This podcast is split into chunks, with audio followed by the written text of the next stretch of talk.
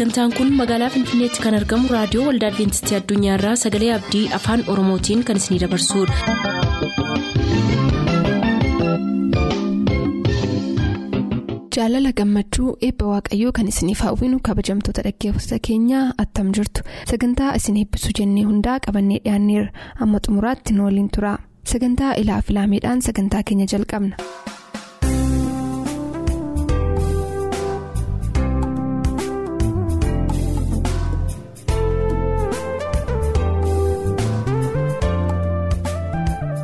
Karaa gara kiristoositti geessu.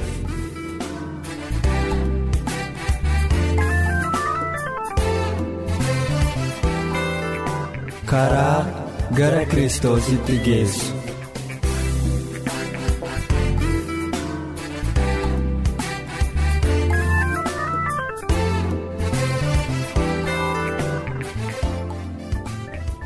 guutummaatti of kennuu.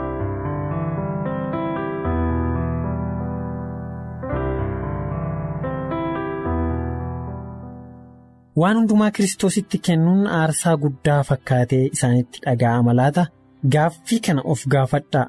Kiristoos anaaf jedhee maal kennee?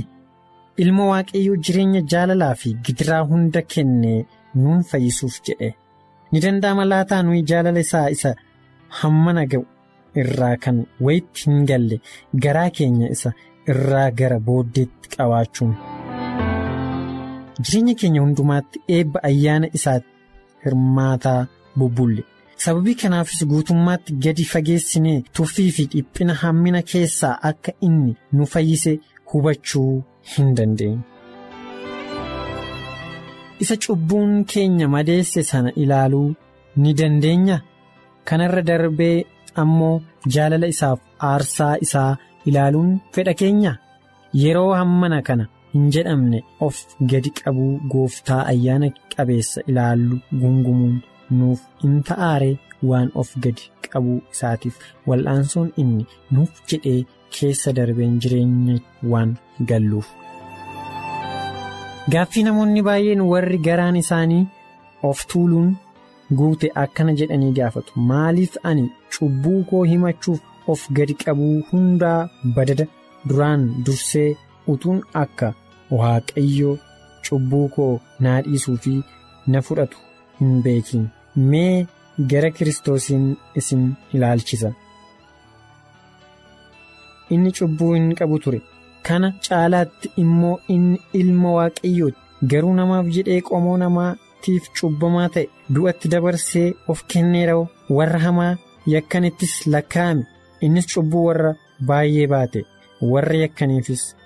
ni kadhate Isaayyaas boqonnaa shantamii sadii lakkoofsa kudha lama.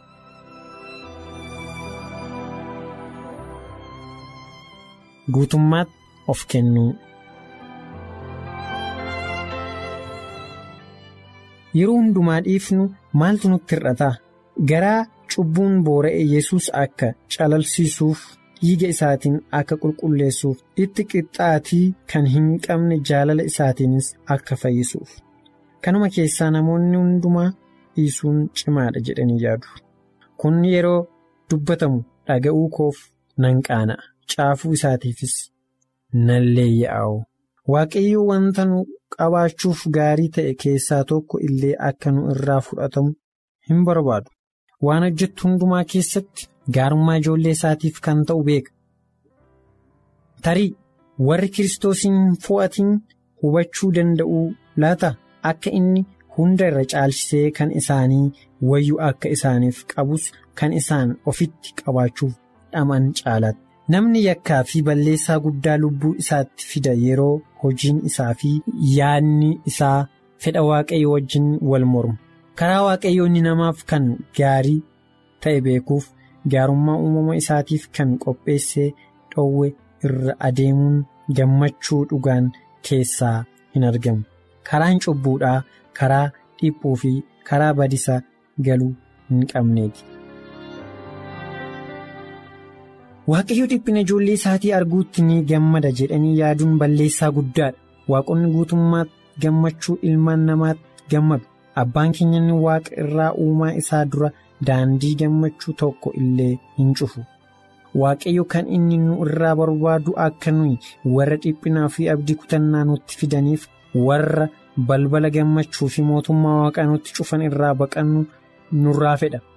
Fayyisaan biyya lafaa namoonni akkuma isaan jiran itti hawwa isaanii fi hir'ina isaanii akkasumas dadhabbii isaanii hundaa wajjin isaan fudhata. Cubbuu isaanii irraa isaan qulqulleessee karaa dhiiga isaan fayyina bara baraa isaanii kennuu duwwaa utuu hin ta'in fedha hawwii garaa hundaa warra ba'aa waanjoo isaa baachuuf hawwan quubsa. Buddeena jireenyaatiif gara isaa kan dhufan. hundaaf nagaa fi boqonnaa kennuun jaalala isaati warri isaaf hin abboomamin tasa argachuu hin dandeenye eebba isaa guddaa sanatti hojii faana keenyaa kan nu geggeessu hojii akka hojjennuuf nurraa barbaada jireenyi dhugaan lubbuu gammachiisu abdii ayyaana isaa ta'e sana kiristoosiin of keessatti qabaachuudha.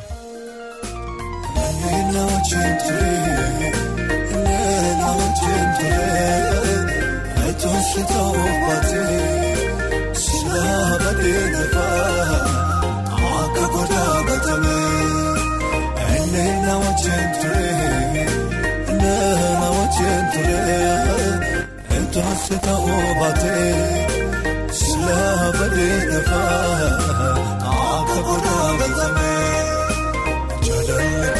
baay'ee dhadhuuma qabu.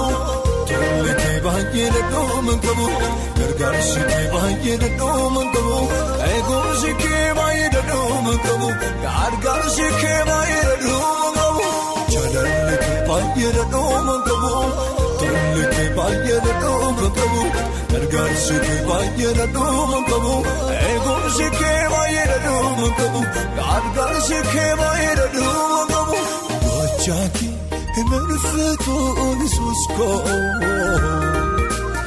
gochaakee emanfeetoon gochaakee emanfeetoon gochaakee emanfeetoon isuuskoo gochaakee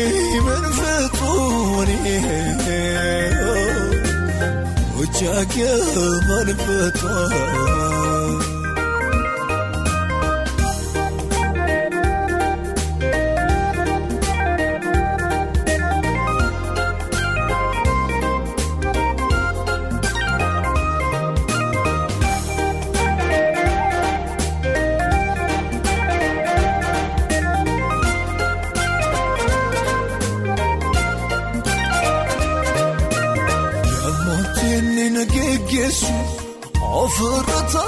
Argee harkakee ofirra taan argee harkakee naagaadhaan ba'ee gaala gooftaa koosiin of kalee gooftaa koosiin of kalee yemmuu inni na geggeessu ofirra taan argee harkakee ofirra taan argee harkakee naagaadhaan ba'ee gaala waaqa koosiin of kalee. Gooftaa koosiin of kalee gochaaki emanfeetoon isuuskoo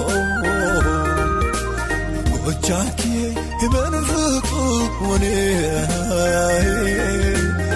gochaaki emanfeetoon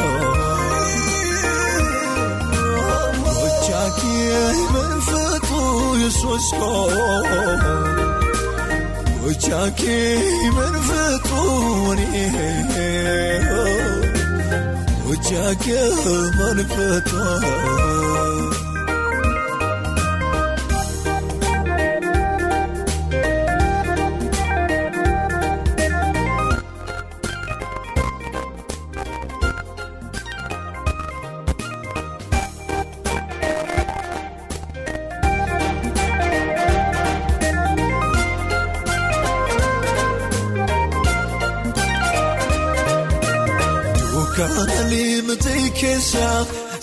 seepaasi harka koo kaatee seepaasi harka naa kaatee hojii kee odisoonnis wani waan aanneesse onneesse waan aanneesse onneesse Dukkaana liimtii keessa seebaasii harka koo qabe seebaasii harka na qabe hojii kee odisuunee sonee wanaanise oneese wanaanose oneese gochaaki himanfeetu Yesuus koo gochaaki himanfeetu wanee. Ojaakee manfatoo Ojaakee manfatoo Yesuus Ojaakee manfatoo.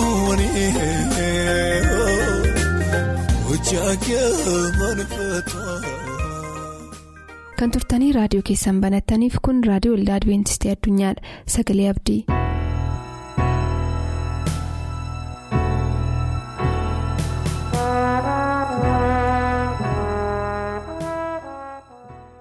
Dhaggeeffatoota sagalee abdii nagaan keenya isinaa qaqqabu akkam jirtu har'a sagalee waaqayyoo kanan isiniif qabadhee dhiyaadhee hanqina boba'aan namootarraa geessisu kan jedhudha boba'aa qabaachuuf dhiisuun garaagarummaa uumsa mi mata duree kana utuu walii wajjin hin ilaalin waaqayyoon kadhanna. Gooftaa jaalalaa ati baroota hundumaa keessatti. Namoonni ifa barbaachisaa qabaatanii si wajjin akka turan kan jaallattu namoonni wanta barbaachisaa qabatanii akka si eeggatan kan barbaaddu har'as kunoo dhaggeeffatoota keenyaaf dhaamsa karaa mata duree waa'ee boba'aa kanaan qabdu akka isaan qaqqabsiiftuuf sin kadhadhaa. Bakka dhaggeeffatoonni keenya jiran hundumaatti isaan qaqqabi dubbii kee kanaan onnee isaaniitti dubbadhu gargaarsa isaaniif godhi. Nuunis nutti fayyadami. Maqaa yesuusiin ameen. Dhaggeeffatoota keenyaa har'a kan nuti walii wajjin ilaallu yeroo gabaabduu qabnu kana keessatti mata duree hanqina boba'aa jedhudha. Isin mudatee beekaa laata? Yeroo boba'aan barbaachisu keessatti boba'aan isin harkaa dhumate. Yeroo boba'aan yookaan zayitiin boba'aaf barbaachisu baay'ee barbaachisaa ta'e keessatti rakkoon akkasii yoo isin hanqatee beeka ta'e maanne rakkoon laata? Ana duukaa akka turtan nan barbaada. Yeroo ammaa kana keessa akkuma beekamu barbaachisummaan boba'aa biyya lafaa hundumaa irratti sagaleensaa ol ka'ee ol ka'eeti kan dhaga'amu. Namoonni baay'een hanqinni boba'aa akka jiru miidiyaa garaa garaa irrattidha kan isaan dubbatan. Kana qofaas utuu hin taane namoonni kan isaan jedhan iddoo garaa garaatti boba'aan nuti qabnu albuudaan boba'aa keenyaa dhumaa jira kan jedhan yaaddoo qabu. Kana qofa mootuu hin taane kaan isaanii immoo lafa boba'aan keessaa argamu irratti waraana walirratti banuudhaan dhiigi baay'een akka dhangala'uuf lubbuun baay'een akka darbu yeroo itti ta'aa jiru keessadha kan nuti jiru. Waa'ee kanaa yaaddanii beektu laata? Hanqinni boba'aa namoota akka wal lolchiisaa jiruu fi addunyaan hundumtuu yaaddoo boba'aa keessa akka galee jiru. Kiristaanotaaf hoo kun mata duree guddaa ta'uu hin danda'a? Akkasiin kanatti yaaddan nan barbaada. Boba'aan mana namoota hundumaa keessatti barbaachisummaa guddaa qaba. Boba'aan akka ibiddi humni ho'aa argamu barbaada gochuu danda'a. Humni elektirikaa boba'aadhaan kan inni socho'u. Konkolaataan kan socho'u humna boba'aatiinidha. Xayyaarri garaa garaa geejjibi gosi geejjiba hundumtu kan inni socho'u humna boba'aatiinidha. Humna dibata boba'aaf barbaachisuutiinidha. Kun gaaffii namoota hundumaati. Namoonni yoo konkolaataan isaanii boba'aa fixe daandii gubbaa dhaabatee akka hafu waan beekaniif yaaddoodhaanidha kan isaan adeeman. Xayyaarri wanta barbaachisaa humna barbaachisaa boba'aa irraa argatu yoo fixe karaa irratti lubbuu namoota baay'ee irratti miidhaa geessisuu akka danda'u waan beekaniif yaaddoodhaanidha namoonni kan jiraatan. Biyya lafaa irratti walumaa galatti barbaachisummaan boba'aa yeroo itti guddataa jiru keessadha. Mana waaqayyoo keessattoo kun yaaddoo ta'een argamaa laata? Dhaggeeffatoota keenyaa bakka jirtan taatanii boba'aan na barbaachisaa akkas hin jettan hin barbaada. Mi gara Maatiyoos boqonnaa 25 lakkoofsa tokko kaasee haga kudhaniitti kan jiru akkas hin caqastan hin barbaada. Kutaa sana keessatti gartuu lama argina. Gartuun lamaanuu waa'ee boba'aatiif namoota beekuma qaban turani. Namoota yeroo halkanii keessatti boba'aan akka isaan barbaachisu beekan turani. Namoonni kun namoota yeroo wal fakkaataatti rafani namoota haala wal fakkaataa keessatti gooftaa isaanii dhirsa misirroo eegaa turanidha.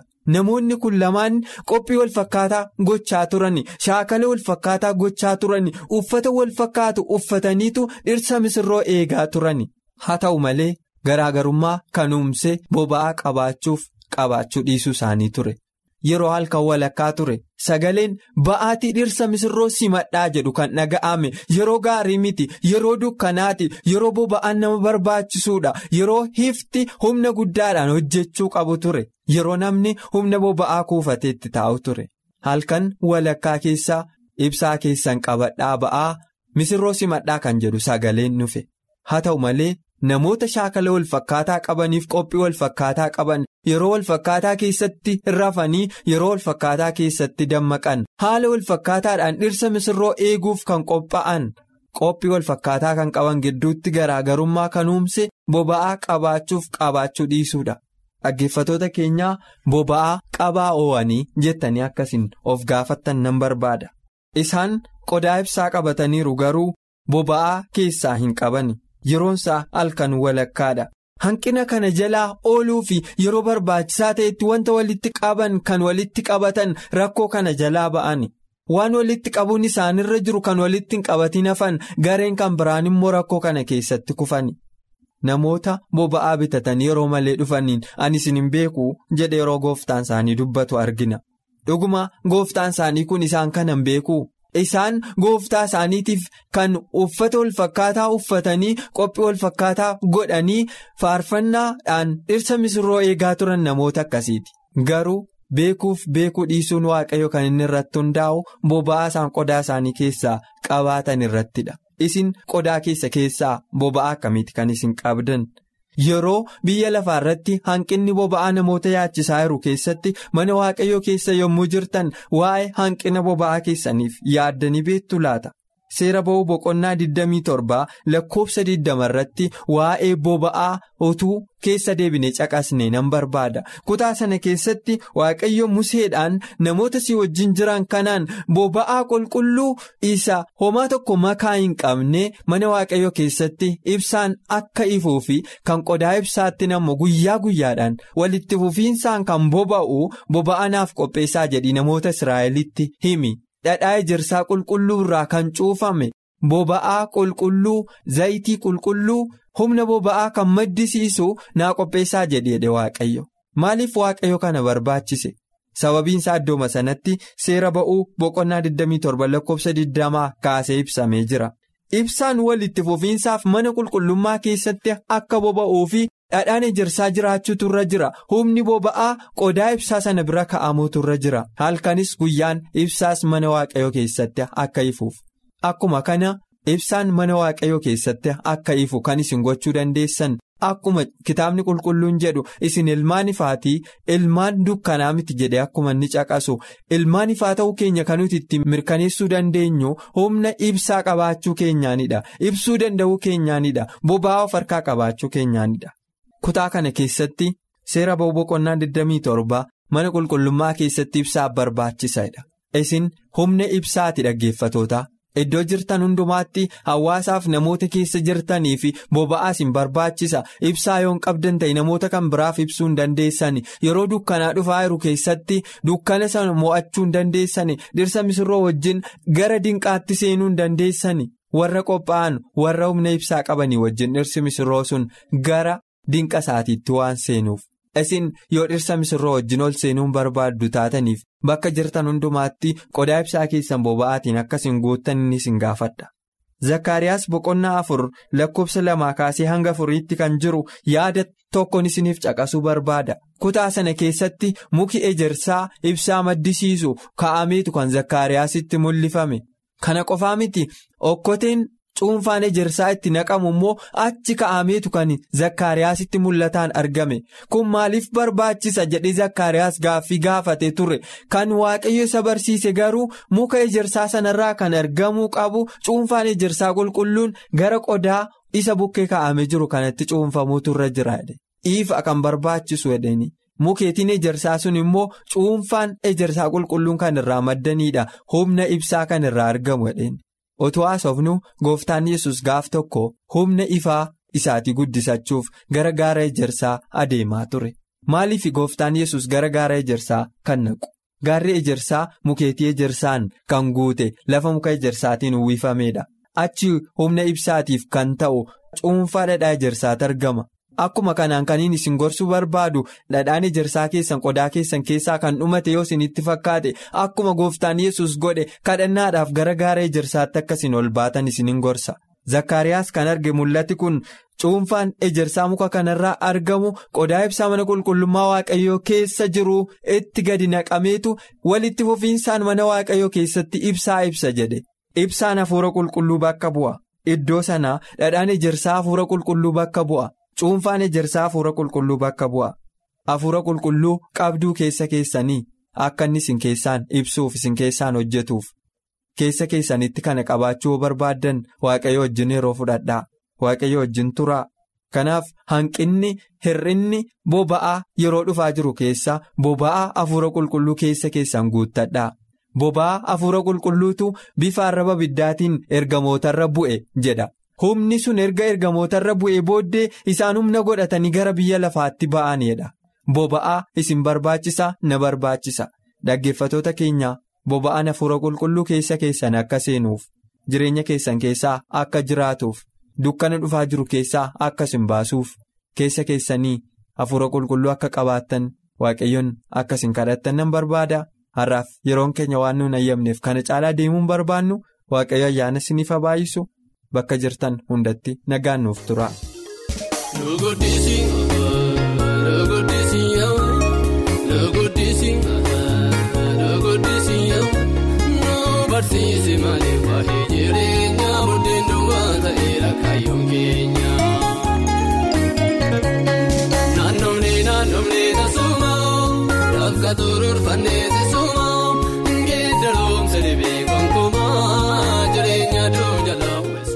sagantaa macaafni qulqulluu maal jedhaa qabannee dhiyaan kanarraaf jennee asumaan xumur. Yaada sagantaa keenya irratti qabdan raadiyoo olda adventistii addunyaa lakkoofsaanduqa poostaa 455 finfinnee jedhaanuf barreessa. Raadiyoo olda adventistii addunyaa lakkoofsaanduqa poostaa 455 finfinnee. yesus yesus jennaan falqabnee baay'ee buunee baafnee kadhamnee